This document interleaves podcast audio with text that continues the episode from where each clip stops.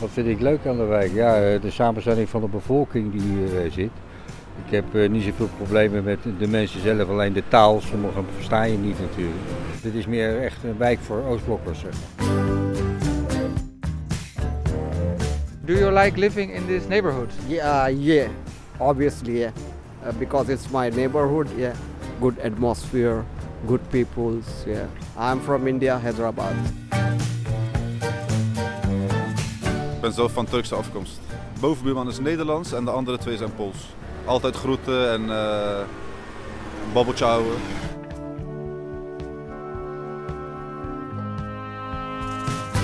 U bent mijn broer en ik ben je zus. En zo is het met alle mensen.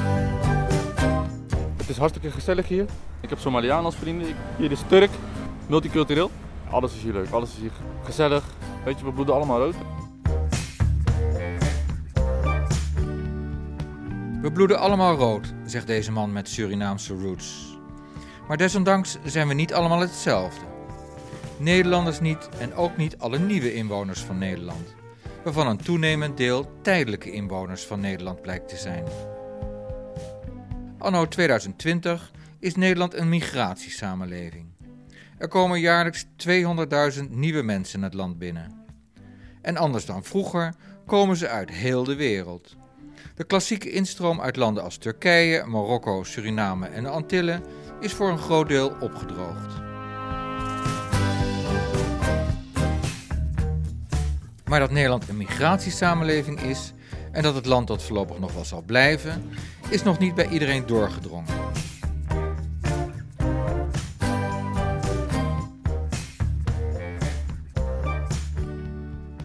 In het beleidsrapport Samenleven in Verscheidenheid zet de WRR, de Wetenschappelijke Raad voor het Regeringsbeleid, uiteen welke consequenties dat heeft voor de Nederlandse samenleving. En welke mouw we daaraan kunnen passen. Want het samenleven gaat vaak goed, maar niet altijd. Hoe zorgen we ervoor dat verscheidenheid niet leidt tot verdeeldheid? Het probleem en de aanleiding van het rapport is geweest dat patronen van internationale migratie sterk van karakter zijn veranderd. En dat de beleidsconsequenties daarvan nog onvoldoende zijn doordacht. Dat het beleid van vandaag nog sterk is geworteld in de wereld van gisteren. Je hoort de stem van Godfried Engbersen, die als raadslid van de WRR verantwoordelijk is voor genoemd rapport. Er zijn volgens hem vier belangrijke trends gaande.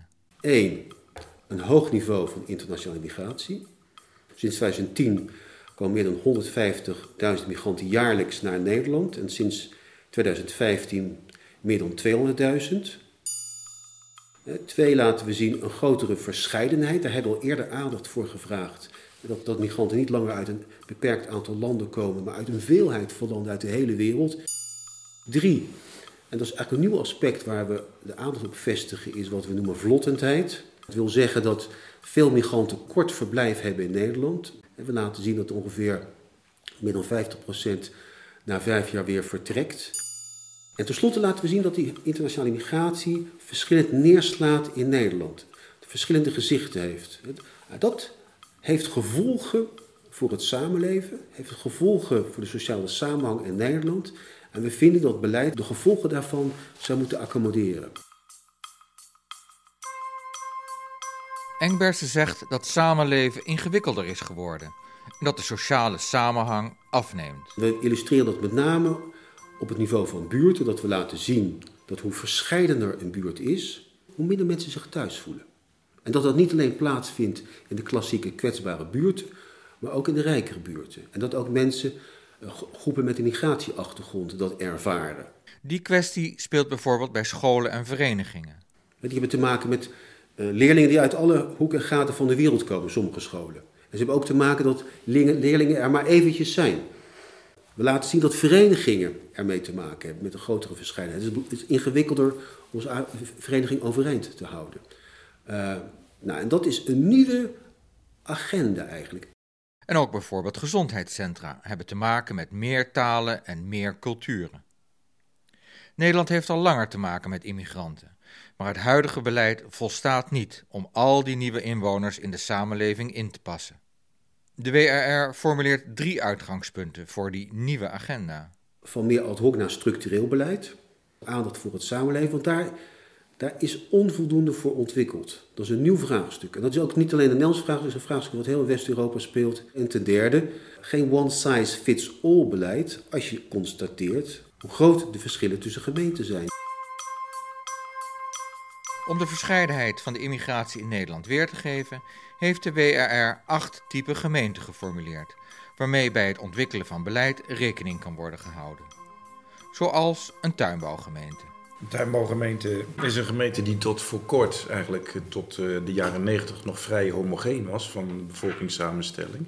Maar die eh, de laatste jaren een grote invloed van eh, arbeidsmigranten uit Midden- en Oost-Europa te vermerken hebben gekregen. En dit is Roel Jennissen, die als staflid van de WRR een leidende rol heeft gespeeld bij het tot stand komen van het beleidsrapport Samenleven in Verscheidenheid. Waarin onderscheidt een tuinbouwgemeente zich? Die uh, mensen die dan komen blijven ook vaak vrij kort. Er is een groot, hoge doorstroom in die gemeente. En voorbeelden daarvan zijn in Westland, misschien wel het meest uh, sprekende voorbeeld, maar ook in Oost-Brabant, Noord-Limburg, de Peelregio. Kun je die wel vinden, die tuinbouwgemeenten, die wij zo hebben aangeduid. En dan zijn er nog de meerderheid-minderheidsteden. Waar de helft van de mensen niet Nederlandse achtergrond heeft. Het zijn de grote drie, hè, gemeente Amsterdam, Rotterdam en Den Haag. Dan heb je voorsteden, zoals Diemen, Rijswijk, Capelle aan de IJssel.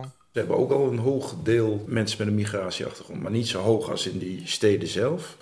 En ze hebben nog meer de klassieke groepen, terwijl in die steden in moderne instroom is van mensen uit Anglo-Saxische landen en allerlei moderne migranten. De grootstedelijke provinciesteden hebben dikwijls een vergelijkbaar patroon als de drie grote Hollandse steden. En vaak worden die provinciesteden ook gekenmerkt door een bepaalde groep. Bijvoorbeeld in Utrecht eh, de Marokkaanse gemeenschap, in Arnhem de Turkse gemeenschap, in eh, Tilburg de Somalische gemeenschap. En er zijn middelgrote gemeenten met zo'n specifieke grote minderheidsgroep. Zoals Gouda met Marokkanen, Leerdam en Almelo met Turken en Den Helder en Delfzijl kennen relatief veel Antillianen. We hebben nog de expertgemeenten. Die hebben, eh, een voorbeeld daarvan is Wassenaar of Amstelveen, die een grote Anglo-Saxische gemeenschap hebben, maar vaak ook een grote gemeenschap uit uh, Oost-Azië, India of, uh, of China bijvoorbeeld, Japan, Amstelveen. En verder zijn er grensgemeenten, die spreken voor zich. En dan zijn er homogene gemeenten, waar in de loop der tijd niet veel is veranderd. Dat zijn bijvoorbeeld uh, Urk, Staphorst, uh, gemeenten in het noorden en oosten van het land die nog vrij homogeen zijn, waar echt minder dan 5% van de mensen een migratieachtergrond heeft. En de rest van Nederland is gevuld met gemiddelde gemeenten. Waarbij genoteerd moet worden dat een gemiddelde altijd is opgebouwd uit meer dan één kenmerk. En dat geldt ook bij de getypeerde gemeenten. Bij het opstellen van de typeringen heeft de WRR samengewerkt met de VNG, de Vereniging van Nederlandse Gemeenten.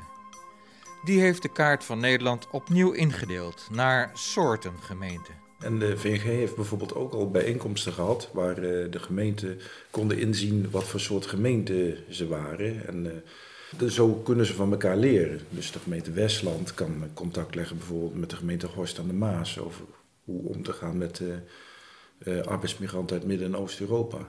De nadruk op gemeenten komt niet helemaal uit de lucht vallen, want de spil van het nieuwe verscheidenheidsbeleid ligt volgens de WRR op dit overheidsniveau. Wij zeggen er is een belangrijke rol weggelegd voor de gemeente. De Rijksoverheid moet in de ogen van de WRR de gemeente financieel, juridisch en inhoudelijk in staat stellen het nieuwe verscheidenheidsbeleid op te stellen en uit te voeren. Wij onderkennen dat de gemeenten de afgelopen jaren heel veel op hun dak hebben gekregen door alle decentralisaties. We onderkennen ook dat een aantal dingen die wij, waarvan wij zeggen dat is belangrijk, bijvoorbeeld betere inburgering of een goede sociale en fysieke infrastructuur, dat juist daar de afgelopen jaren structureel op is bezuinigd. Van bibliotheken tot buurtcentra eh, en ook op de inburgering. En door bezuinigingen is expertise verdwenen, die nu weer zou moeten worden opgebouwd. De WRR komt met voorstellen rond vier thema's. Eén is het creëren van ontvangstvoorzieningen voor iedereen. En nu heb je vaak in gemeenten een hele dure expertvoorziening. Ziet er heel luxe uit, denk maar in het stadhuis van Den Haag. Wij zeggen eigenlijk, je moet een soort ontvangstvoorziening hebben waar iedereen terecht kan. De Pool, eh, de Bulgaar, de Roemeen, de kennismigrant, de student, de gezinsmigrant, iedereen. En dat je die mensen helpt om wegwijs te worden in de Nederlandse samenleving. En ze helpt als het ware ze in te passen in de Nederlandse samenleving. De gemeente krijgt weer een belangrijke rol als het gaat om de inburgering. Wij doen het voorstel niet alleen voor de inburgeringsplichtigen, maar ook voor andere typen. Een ander thema is zorg dat mensen met elkaar in contact komen, dat ze elkaar leren kennen. Gemeenten spelen een sleutelrol als het gaat om de sociale en fysieke infrastructuur. Allerlei voorzieningen die het samenleven tussen mensen kunnen faciliteren. Dat is de gebouwde omgeving, dat zijn de parken, de pleinen, dat zijn de, de verenigingen, dat zijn de scholen, dat zijn de buurtcentra, dat zijn bibliotheken. En als het gaat om gemeenten, dat de instellingen dat die ook weten om te gaan met die verschillende vormen van verscheidenheid. En dan praat je over hoe gaan scholen om met het feit dat ze te maken hebben met leerlingen uit alle hoeken en gaten van de wereld in bepaalde gemeenten. Voor het opstellen van het adviesrapport hebben medewerkers van de WRR hun oor te luisteren gelegd bij tal van overheden en organisaties. Wat zijn de problemen? Wat gaat er goed? En waar kunnen we van leren? Luister naar één van die gesprekspartners. Manuel Veira is directeur van een basisschool in Den Haag. Ik ben Manuel Veira. Eh, ik zit hier in eh, mijn hoedanigheid als directeur van de Regenboog Binnenstadsschool in Laakkwartier Den Haag. Wat voor kinderen zitten daar op school? Vooral kinderen die uh, een kansenachterstand hebben. Kinderen die bijna allemaal anders cultureel geaard zijn. Kinderen die allemaal heel graag naar school komen. En dat zijn kinderen die hard moeten werken om vooruit te komen, omdat ze thuis niet zoveel meekrijgen. De school is zoals gezegd rijk geschakeerd. We hebben geen dominante uh, cultuur. En dat is een zegen, zegt Manuel Veira. Want je hoeft je niet te richten op een meerderheid. Wil je kinderen verder helpen, dan zal je naar het kind moeten kijken wat je voor je hebt. Punt. En of dat kind nu komt uit Ghana, uit Eritrea of uh, of dat kind komt uit Polen of uit uh, Bulgarije, dat maakt niet zo heel erg veel uit. Je moet gaan kijken naar wat de behoeften zijn van dat kind. Daar is het hele systeem op gebaseerd. Etniciteit is ook niet relevant op het moment dat we het hebben hier met hoe gaan we met elkaar om en hoe creëren we hier een gemeenschap uh, hier op school. Andere organisaties denken wel in etniciteiten. Dan komt er een, een leesproject of een taalproject voor specifiek Poolse ouders of Poolse moeders. Ja, waarom alleen voor Poolse moeders? En dan worden wij benaderd of wij daaraan mee willen doen of dat wij dat willen uitzetten. Ja, dat ga ik niet doen. We doen het samen of we doen het niet. Bijzonder is namelijk dat de regenboog ook initiatieven neemt om de ouders van de kinderen vooruit te helpen zoals met taal- en sollicitatiecursussen. De basisschool als centrum van integratie. Niettemin wil Manuel Veira een nuancering maken in het streven naar een gemeenschappelijke cultuur. Je moet natuurlijk wel mensen en kinderen erkennen in wie zij zijn als mens, als persoon. En daar hoort ook bij hun etniciteit. Als iemand slecht verstaander met mijn verhaal aan de slag gaat, zou die dat ook kunnen doen eh, op een manier waar, waarop de etniciteit van iemand ontkend wordt. En dat mag je nooit doen. Maar check hier is een trotse Pol. Ja, en dat mag die zijn. En daar mag die ook wel in erkend worden. We zijn divers. En dat wij divers zijn, daar zijn we trots op. Maar wij zijn wel allemaal regenboog.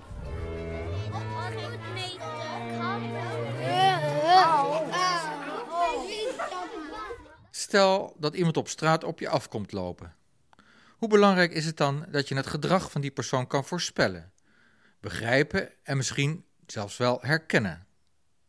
Dat soort elementen scharen we onder het begrip publieke familiariteit. Het bepaalt mede of je je ergens op je gemak voelt, of nog beter, of je je er thuis voelt.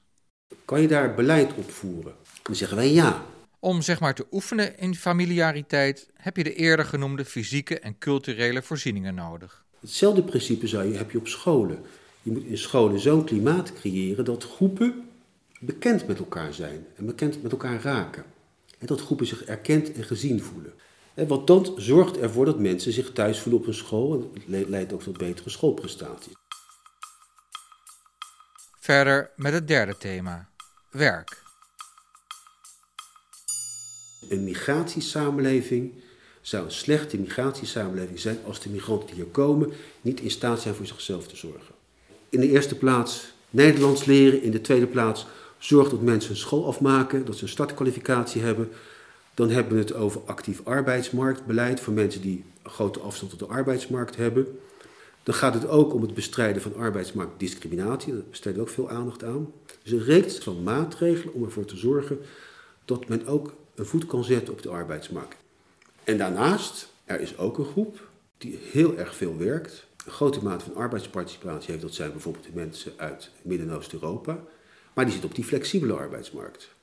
Is er niet het risico, dat was in het verleden ook gezien, dat als gevolg van economische structuurveranderingen of recessies, dat die massaal werkloos worden.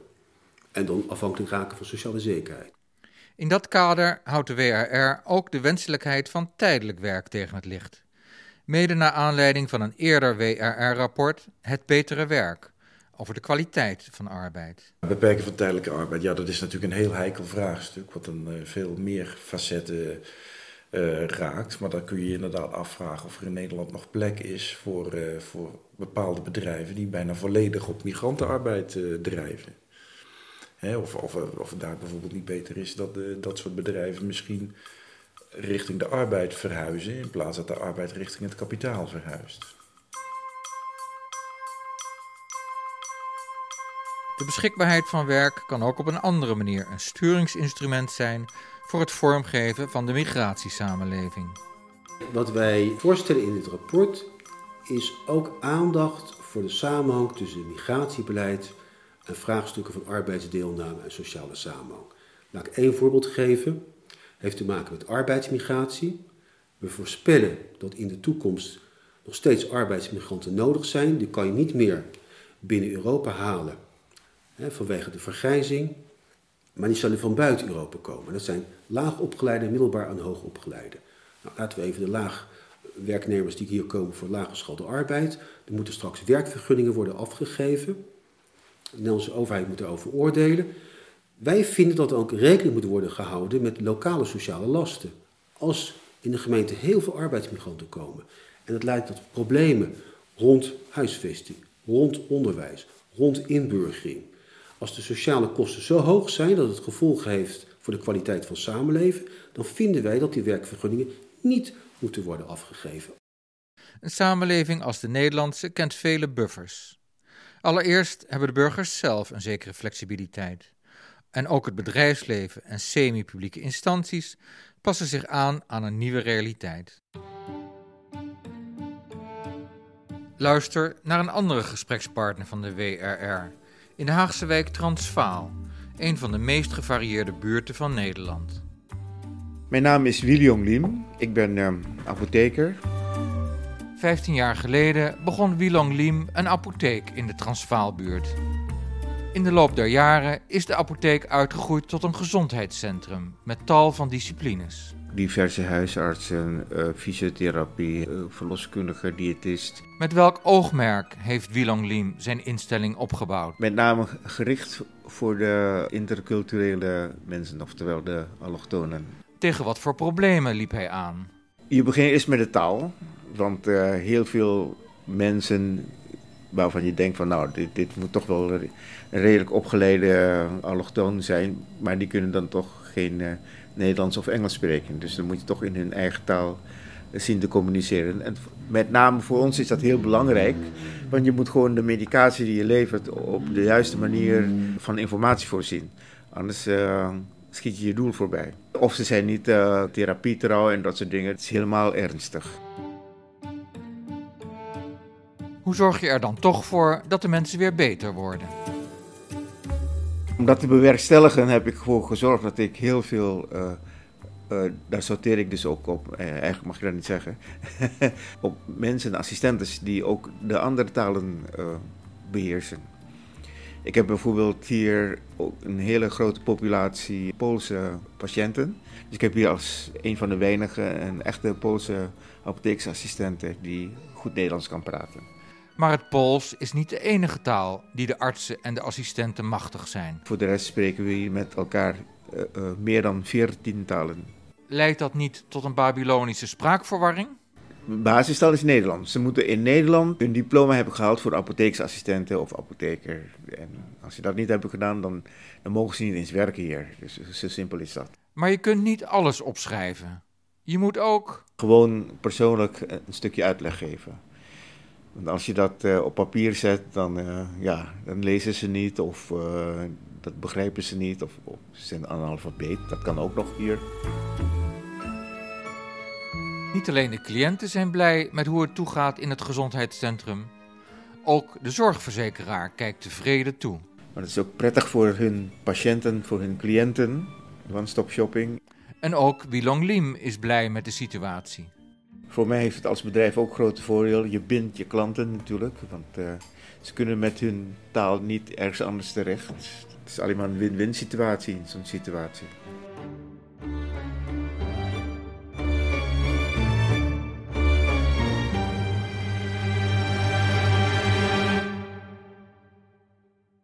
Welke verantwoordelijkheden hebben mensen die zich in Nederland willen vestigen? Toch de verantwoordelijkheid om ernaar te streven voor jezelf te zorgen. Dit is arbeidsdeelname en met name ook participatie op de arbeidsmarkt. En de tweede plaats ook, als je hier uh, in Nederland verblijft, de Nederlandse taal. En we hebben ook de, wat wij noemen de speelregels van het samenleven. Degene die hier komt, heeft zich daaraan te houden. Maar belangrijk is met name wat wij zeggen, de verantwoordelijkheid voor een migrant is toch deel te nemen in de Nederlandse samenleving. Ook de respect te hebben voor de tradities in Nederland. We hebben in Nederland ooit het noemen laissez-faire beleid gehad. Dat wil zeggen eigenlijk geen beleid. Dus je, kan natuurlijk, je zou je ook kunnen zeggen van, dit is niet iets voor de overheid. He, dit is iets wat vanzelf moet gebeuren vanuit de mensen. Toch zeggen wij, als je daar geen beleid op ontwikkelt, zal je toch spanningen zien in die samenleving, fricties. Dat het samenleven, dat mensen zich niet thuis voelen, dat mensen zich onveilig voelen. Dat blijkt uit onze analyse. En er zijn aanwijzingen dat je, dat je toch wel wat kan doen. De bedoeling is dat overheden, organisaties en de migrant zelf zich inspannen om de nieuwe verscheidenheid te laten werken. Wat kan de doorsneeburger doen? Een concreet voorbeeld wat we uitwerken in dat rapport is het idee van mensen maken de stad. Dat is een programma in Rotterdam. Dat gaat over mensen die dan op een gegeven moment zelf ervoor zorgen dat de leefbaarheid in hun buurt en straat groot is. En het gaat over de publieke ruimte, de tuintjes, de groenvoorziening. Dat is, een, dat is een initiatief van burgers zelf. En dan zie je dat burgers, mensen met een Nederlandse achtergrond en met een migratieachtergrond, samenwerken. Uh, dus ons idee is ook dat als je een infrastructuur hebt, kan je ervoor zorgen dat mensen elkaar makkelijker ontmoeten en makkelijker initiatieven nemen. Dus wat is nou de verantwoordelijkheid? Ja, dat is toch een soort burgerschap dat je van mensen, of je zou willen, dat mensen zich kunnen verplaatsen in de positie van anderen. Ja, dat maakt dan ook niet uit of het eigenlijk migranten zijn. We willen eigenlijk naar een hogere platform tillen. Dus ze hebben niet zozeer eigenlijk een verantwoordelijkheid om, om de migratiesamenleving beter te laten verlopen, maar gewoon de, de samenleving in zijn geheel. Je eigen verantwoordelijkheid om eh, de sociale cohesie wat eh, te verbeteren door eh, deel te nemen aan dit soort zaken. En ook nog dit. Ons, onze verantwoordelijkheid reflecteert op een gegeven moment in de overheden die ons vertegenwoordigen natuurlijk.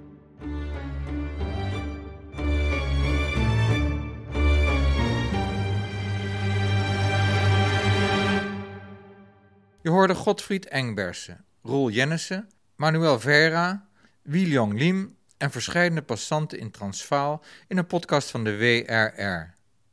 Wil je meer podcasts van de WRR beluisteren? Abonneer je dan op WRR Vogelvlucht of klik naar wrr.nl.